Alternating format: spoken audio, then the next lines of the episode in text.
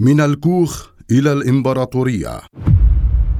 عرف التاريخ اشخاصا عباقرة تمكنوا بفضل ذكائهم الاستثنائي من جمع ثروات هائلة ويعتمد أولئك على كفاءتهم واجتهادهم ليصلوا إلى أعلى المراتب. هارولد سيمونز من أبرز الوجوه التي عرفت في كسر المقاييس والأرقام. فحتى قبل وفاته كان يخطط لكسب مليار دولار وهذه العزيمة التي تمتع بها تدرس. لذا لا يعتبر البعض سيمونز رجلا ناجحا فحسب بل قدوة في إدارة الأعمال وتحقيق الثروات. تابعوا معنا كيف انطلق هارولد سيمونز من اللاشيء نحو أعلى مراتب الثراء. نشأ في كوخ. نعم في كوخ صغير لا يوجد فيه سباكة أو كهرباء. ومن هناك كبر سيمونز على حب البساطة التي لم يتخلى عنها يوما حتى عندما جمع الثروات الهائلة. ابن لمدرسين نشأ وسط الدفء العائلي حتى في أشد العواصف التي هزت كوخهم. في ظل نشوئه بدون أن يحصل على أقل الضرورات التي نعتبرها من المسلمات لم يكن يخطر بباله ابدا أنه سيكون يوما من أغنى الرجال في العالم. فهل تتوقعون أن هارولد الصغير الذي عاش في هذا الفقر والعوز سيستطيع تخطي الوضع هذا وتحسينه؟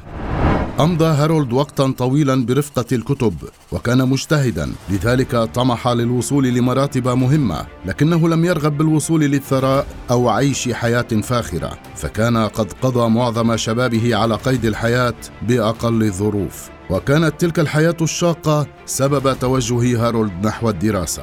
وكان والده المثل الأعلى له فقرر التوجه للتعليم. لذا درس الاقتصاد في جامعة تكساس وحصل على ماجستير فيها في عام 1952 ماذا بعد الحصول على شهادة؟ إلى أين سيتوجه الشاب؟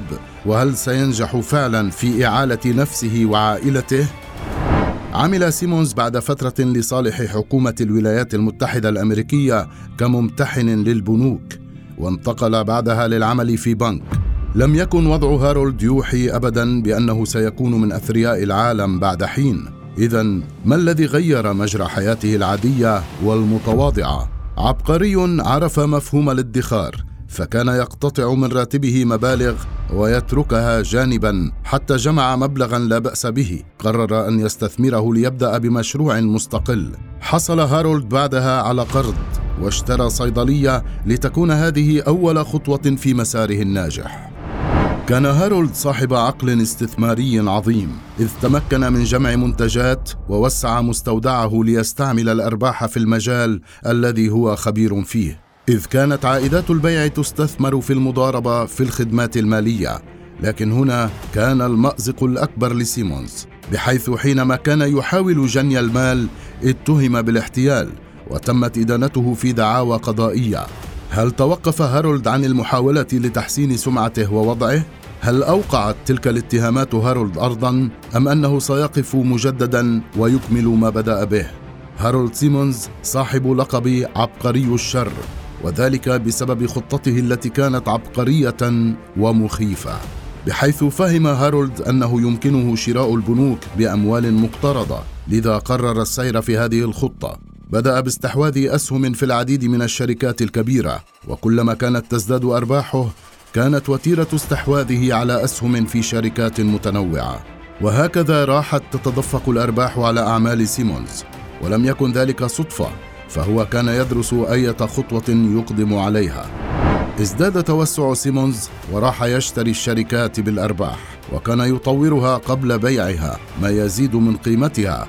وهكذا دواليك. طوال سنوات عمله لم يعش سيمونز حياة الرفاهية لكنه أحب تحقيق النجاحات تكريما لنفسه ولأهله إذ كان كل ربح يزيد من عزيمته ومن رغبته باقتناء شركات أكثر ليجني أكثر ما يمكن من الأرباح. وعلى الرغم من اعتبار الكثيرين أن هارولد قام بالعديد من عمليات الاحتيال على عملائه كي يزيد من أرباحه إلا أن تلك الأمور تبقى موضع شك بحيث يعترف منافسوه بعمله المستقيم والجدي. كانت مسيرة هارولد سيمونز مليئة بالمطبات فلم يحظى بمحبة الجميع. كونه شكل خطرا على المستثمرين المنافسين الذين حاولوا دوما الإيقاع به. إلا أنه نجح بنهاية المطاف بأن يخلق واقعا جديدا لنفسه لم يتوقع أن يصل إليه في يوم من الأيام.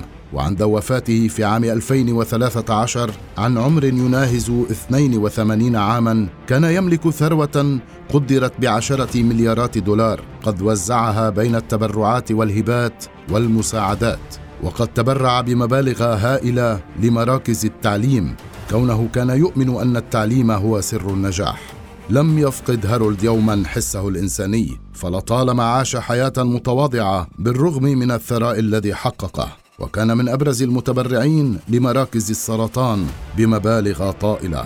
فكان يقول دائما إن الثراء بحد ذاته لم يكن الهدف بل النجاح وإثبات نفسه دفعاه للعمل حتى آخر سنوات حياته.